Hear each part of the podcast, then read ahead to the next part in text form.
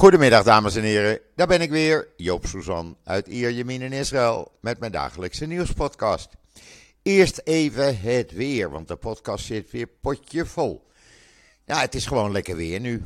Het is uh, blauwe lucht, een graad of 20, 22.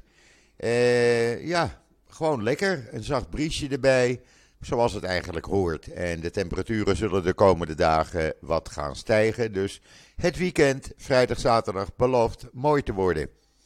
En dan het nieuws. Nou, het belangrijkste nieuws was gisteravond eigenlijk. Toen uh, bij een ongebruikelijke inval overdag door elitetroepen in een vluchtelingenkamp uh, in Jenin.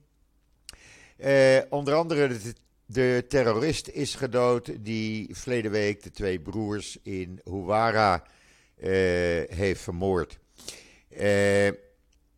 Tegelijkertijd werden ook uh, twee van zijn zonen gearresteerd in Nablus. Want die schijnen hem geholpen te hebben. Volgens de Palestijnen zijn er minstens zes mensen omgekomen en een tiental gewond geraakt, waarvan twee ernstig. De IDF bevestigt dat niet. Het was een gezamenlijke operatie van de IDF en de speciale eenheid van de politie Yamam. Eh, de Israëlische grenspolitie. En uh, Abdel al-Fattah Hussein, die Hamas-terrorist, die werd geneutraliseerd. Oftewel, hij is naar de 72 niet bestaande maagden gestuurd. hij had verleden week, op 26 februari, de twee broers Janif gedood.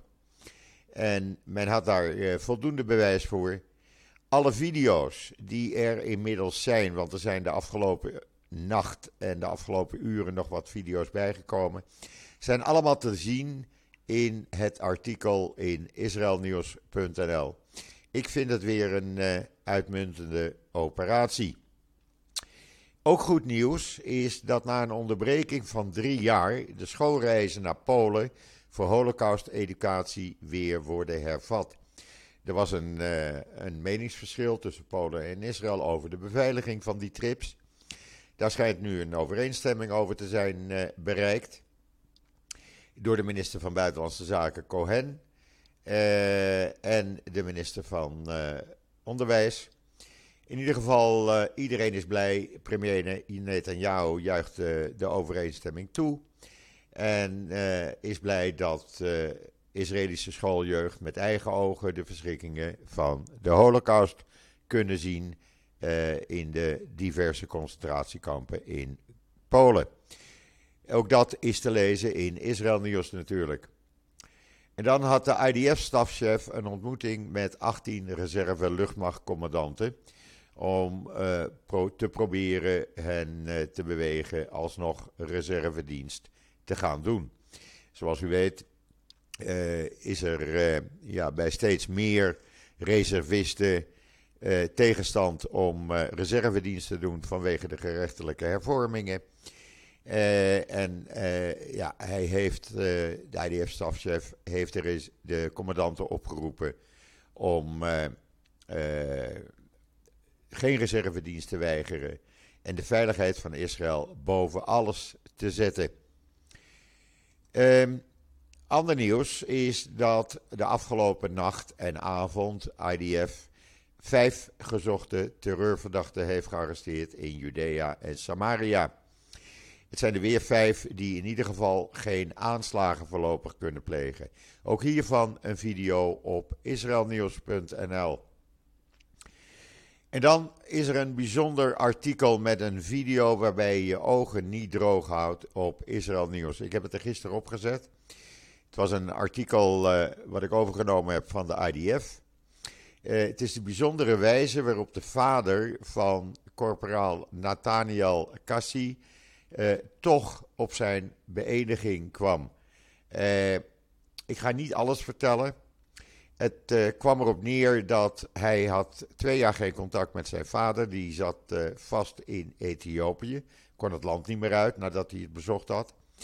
En op het laatste moment lukte het de IDF toch, zijn commandant eigenlijk, om de vader uit Ethiopië te krijgen.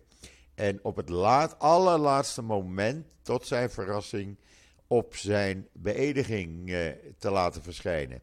En hem zelf de baret te overhandigen aan zijn zoon.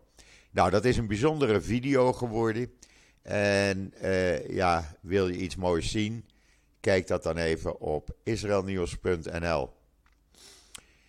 En dan uh, heeft premier Netanyahu een aantal Likud-Knesset-leden uh, gewaarschuwd te stoppen met het maken van kleinerende opmerkingen naar reservisten die dienst weigeren.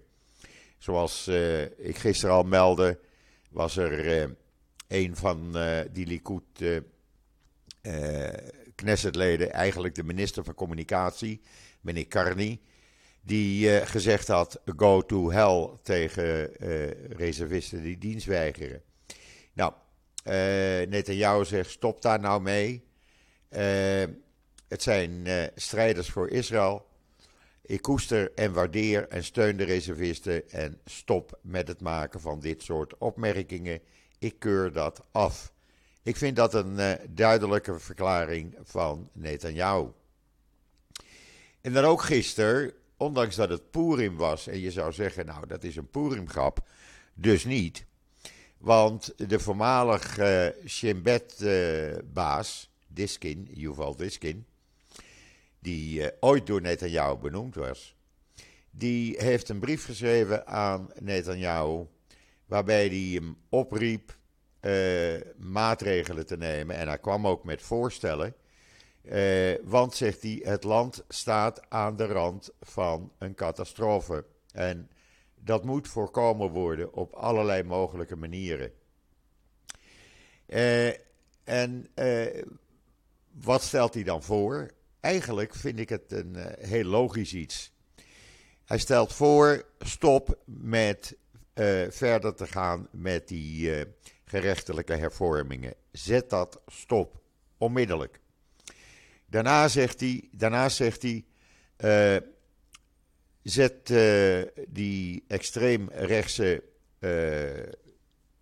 coalitieleden, die ministers Smotrich en Benkwier, Gooi ze uit de regering en zet een regering op van nationale eenheid samen met uh, Lapid, Gans en Lieberman. Zodra je die opgezet hebt, dan maak je een deal, zegt Diskin, waarbij uh, in ruil voor jouw aftreden de drie corruptiezaken die op dit moment tegen je lopen, worden gestopt. Die worden beëindigd. Uh, dat zijn de drie maatregelen om een catastrofe, zegt Diskin, te voorkomen. Uh, Netanyahu heeft hier niet op gereageerd. Uh, ja, ik weet niet wat Diskin nu verder gaat doen. Ik vind het eigenlijk is het een hele duidelijk, duidelijk verhaal. En ook logisch, want ja, hij heeft gelijk. Het land staat aan de rand van een catastrofe. De stellingen worden of de, de partijen komen, komen steeds harder tegenover elkaar te staan. En uh, ja, zoals uh, gisteren dan ook, uh, denigerende uitspraken tegen reservisten. Dat doe je niet als Knessetlid of minister. En de standpunten worden harder. Nou, inmiddels is bekend dat Netanyahu zou daar wel voor zijn om die gerechtelijke hervormingen te stoppen, maar meneer Levin, de minister van Justitie, die dreigt dan af te treden. Waarbij de regering dus uh, zou vallen. Nou, dat wil Netanyahu ook niet. Dus ja, eens kijken of je hierop ingaat. Ik denk het niet hoor. Maar uh, ja, het is een voorstel. We zullen het zien. Inmiddels is wel duidelijk dat het Knesset-commissie gewoon volgende week doorgaat met herziening van de gerechtelijke hervormingen. Ze doen net alsof er niks aan de hand is, de commissie Grondwet, Recht en Rechtvaardigheid. En die gaan volgende week gewoon door en uh, proberen voor Pesach alles geregeld te hebben. En daar wringt hem nou net de schoen. Want er is totaal geen overleg. Ze doen maar, ze jassen alles er doorheen. Eh, vooral meneer Rotman, maar ook meneer Levine die doen net of hun neus bloedt en gaan door met alles waar uh, de Israëlische bevolking op tegen is. Maar goed, we zullen het zien. Uh, dan uh, is ook bekend geworden dat Netanyahu morgen waarschijnlijk, donderdag, als hij naar Rome gaat, niet per auto, maar waarschijnlijk per helikopter naar het vliegveld uh, Ben gaat. Want uh, morgen is uh, de dag van protesten weer. en ja, men heeft voorgesteld of gezegd en opgeroepen, opgeroepen om het vliegveld te blokkeren. dat gaat dan ook gebeuren met auto's en men gaat rondjes rijden. En eh, om dat dan te voorkomen, wordt de familie Netanyahu per helikopter naar eh, het vliegveld gebracht. Morgen is de nationale dag van ontwrichting. En dan, uh, de afgelopen nacht gingen er sirenes voor raketalarm af in verschillende uh, moshavim, kibbutzim en dorpen rond de grens met Gaza. Het bleek dat er vanuit Gaza een raket is af, uh, werd afgevuurd. Alleen hij viel neer in Gaza zelf. Even een slokje water. Men hield daar rekening mee nadat die uh, terrorist uh, was doodgeschoten in Jenin. En ook vandaag houdt men rekening met mogelijkheid van raketten of aanslagen. In ieder geval, men is in hoge staat van paraatheid. Ook gisteren, ondanks Purim, of misschien dankzij Purim, waren een, uh, ja, een grote groep Amerikaanse Israëli's. die uh, voor de uh, Amerikaanse ambassade in Tel Aviv stonden, of eigenlijk is dat nu het consulaat.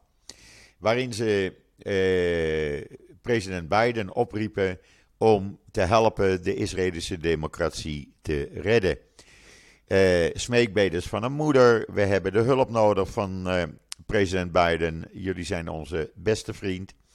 Uh, nou, de video's kan je zien in de Engelstalige Ynet. Ja, het blijft doorgaan. En dan is er iets heel raars gebeurd eigenlijk. En dat is vanmorgen vroeg bekend geworden. Linor Offier, die uh, heeft tien jaar voor Netanyahu gewerkt in een vertrouwenspositie op zijn kantoor. En toen Netanyahu aftrad, uh, pak een beetje twee jaar geleden, en Bennett uh, premier werd, bleef zij haar baan behouden en haar werk doen. Nu is Netanyahu weer premier en hij gaat haar straffen. Hij heeft haar, ondanks dat hij er zelf benoemd heeft, nu ontslagen uit haar positie. Hij wil niet meer dat ze bureaubeheerder is, omdat ze voor Bennett heeft gewerkt. Ja, ik vind dit een beetje zielig eigenlijk. Eh, wat maakt dat nou uit? Je kan haar eh, net zo goed vertrouwen. Hij heeft haar zelf eh, benoemd. Even de telefoon pakken, sorry. Want dat gaat ook door. Sorry, ik had mijn telefoon niet uitgezet en dit was verkeerd verbonden. Ja, dat gebeurt ook natuurlijk. Goed, we hadden het dus over die mevrouw uh, die door uh, Netanyahu nu van haar post ontheven is, omdat ze voor Bennett gewerkt heeft. Ja, hij heeft haar zelf benoemd uh, in 2011. dan kan je er toch gewoon blijven vertrouwen. Een beetje zielig vind ik het wel. Maar goed, het is wat het is. En dan Moody's, uh, het uh, kredietratingbureau. Die heeft een hele duidelijke boodschap aan uh, de Israëlische regering overgebracht. En gezegd van, luister, als jullie doorgaan met herziening van de gerechtelijke hervormingen, dan houdt dat gevolgen in voor je kredietrating. En die zou dan van positief naar stabiel of zelfs minder kunnen worden verlaagd waardoor investeringen aantrekken moeilijk gaat worden. Dus stop daarmee voordat je economische problemen krijgt. Het staat in de Engelstalige Jeruzalem Post. Ja, uh, niet alleen uh, Moody's uh, kwam daarmee, ook anderen zijn daar verleden week meegekomen. Dus ja, ik hoop dat de regering zich dat gaat aantrekken. En dan Qatar doet ook nog een duit in het zakje en zegt tegen Israël: Sorry. Probeer er alles aan te doen om de spanningen met de Palestijnen tijdens de Ramadan, die binnenkort begint, te verminderen. Want doe je dat niet, dan wordt het uh, één brok ellende tussen, tijdens de Ramadan. Dat zei de gezant van Qatar, meneer Mohammed Al-Emadi, in de Jeruzalem Post. En dan, uh, ja, die reservisten. Uh, ik had al eerder gezegd, uh, ze hebben met de stafchefs gesproken. Maar ze hebben ook gesproken met de minister van Defensie. En ze kwamen na dat gesprek nogal erg teleurgesteld uit dat gesprek volgens kanaal 13. ze hadden het gevoel van dat hij hun niet helemaal begrijpt. Hij beloofde niets. Hij ja, hij zei wat slogans. En het frustreerde ons eigenlijk, dat hele gesprek.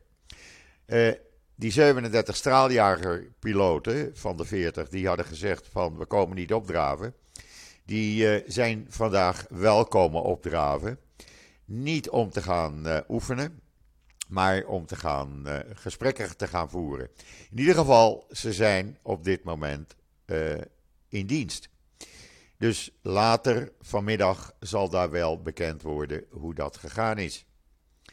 En dan heeft de vrouw van de nog steeds vermiste piloot Ron Arad, die uh, steunt de uh, piloten die uh, reservedienst weigeren. In Facebook schrijft ze dat ze trots is op jullie symbolische beslissing. Ja, dat geeft ze steun eh, in de rug, zullen we maar zeggen. En dan is er, eh, ja, er is weinig in Nederland over bekend. Hier begint het de laatste dagen wat meer in het nieuws te komen. Er is een Israëlische voetballer, Manor Solomon. En die uh, speelt voor FC Fulham. En die, die maakt het ene doelpunt na het andere. En die wordt een beetje de held van de Premier eh, League in, Israël, in eh, Engeland. Hij is 23 jaar. Hij uh, zorgt dat zijn ploeg de ene wedstrijd naar de andere wint. hij doet het hartstikke goed. Hij is populair in Sky Sports. lees het in de Engelstalige Ynet. Want ja, het is een nieuw fenomeen eigenlijk. Zo vaak gebeurt dat niet dat Israëlische voetballers in uh, de Premier League in Engeland zo populair zijn. En dan is er een moeder van elf kinderen. Jawel, ultra-orthodox. Elf kinderen, zoals dat hoort. En die kan je eigenlijk uh, zien als een uh, wondervrouw. Want Rachel Pisam, die ja, die staat helemaal, maakt, komt helemaal niet in het nieuws of wat dan ook.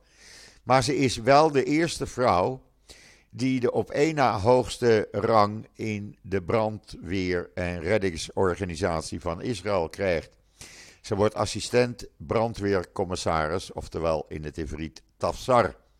Die rang krijgt ze en het is een moeder van elf kinderen. Eh, dat gebeurt niet zo vaak. Helemaal niet dat ultra-orthodoxe vrouwen uh, uh, belangrijke posities uh, gaan bemachtigen. Maar zij dus wel. En vooral omdat ze won van vier mannen die dezelfde positie wilden hebben. maar de brandweer- en reddingscommissie heeft unaniem voor haar gekozen. En ze is dus nu de op één na hoogste persoon binnen deze belangrijke organisatie. Uh, ze is er hartstikke trots op. Uh, ze heeft gestudeerd. Ze begon als uh, postbeambte bij de afdeling landmeetkunde. Daarna heeft ze zich opgeklommen tot hoofd personeelsorganisatie ministerie van Volkshuisvesting. Ze heeft een bachelor in sociale wetenschappen en geesteswetenschappen en een uh, master in openbaar bestuur van de Hebreeuwse Universiteit van Jeruzalem. En elf kinderen.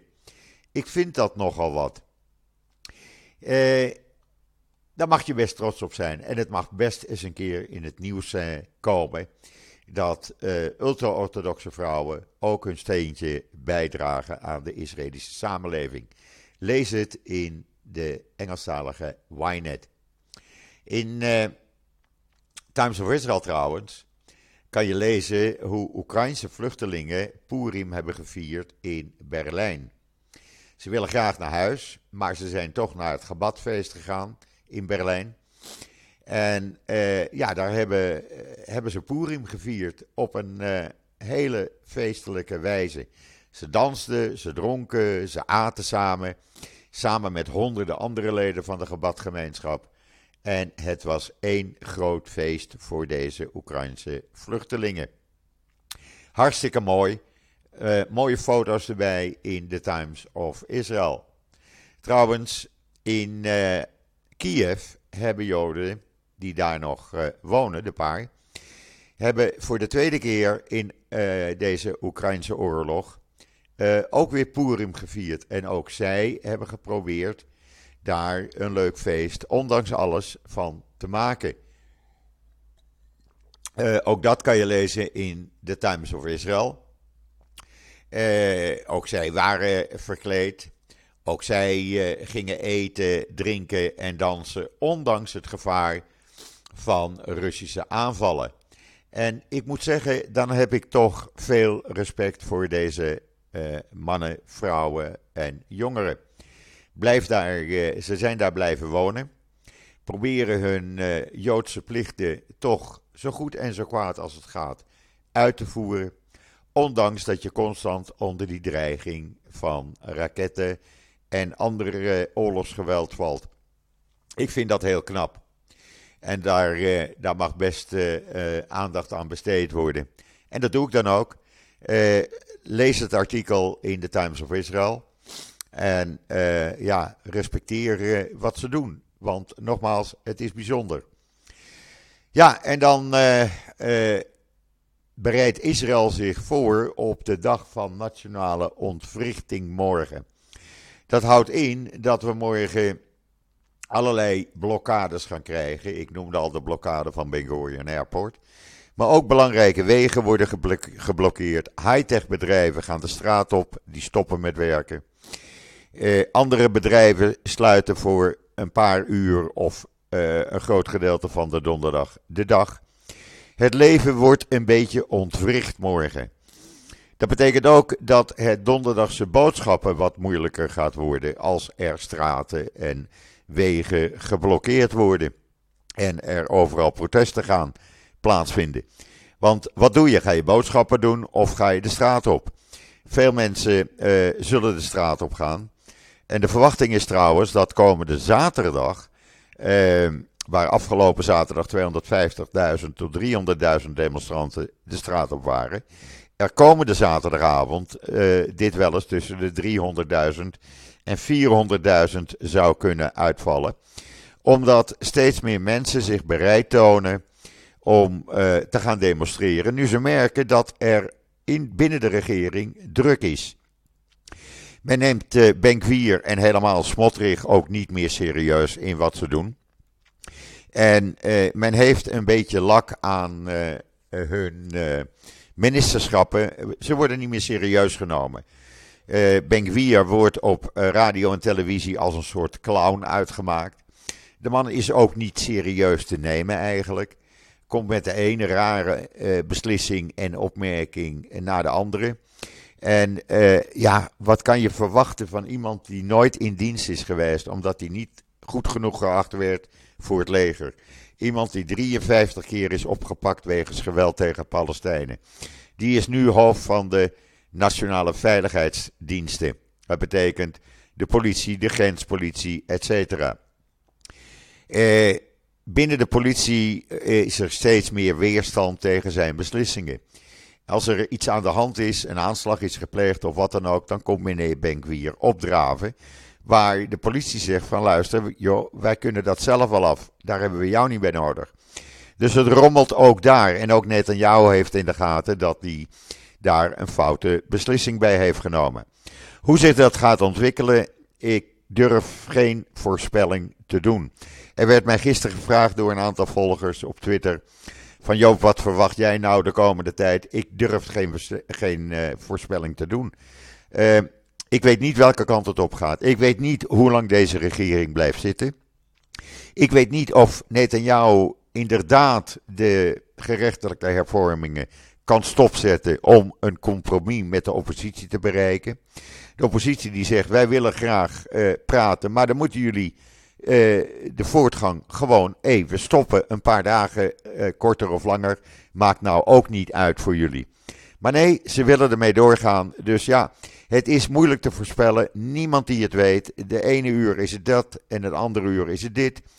Uh, ik probeer jullie allemaal zo veel mogelijk informatie te verschaffen. Gewoon zoals het werkelijk hier toe gaat. En er geen mooier verhaal van te maken. Het zijn de feiten die ik breng.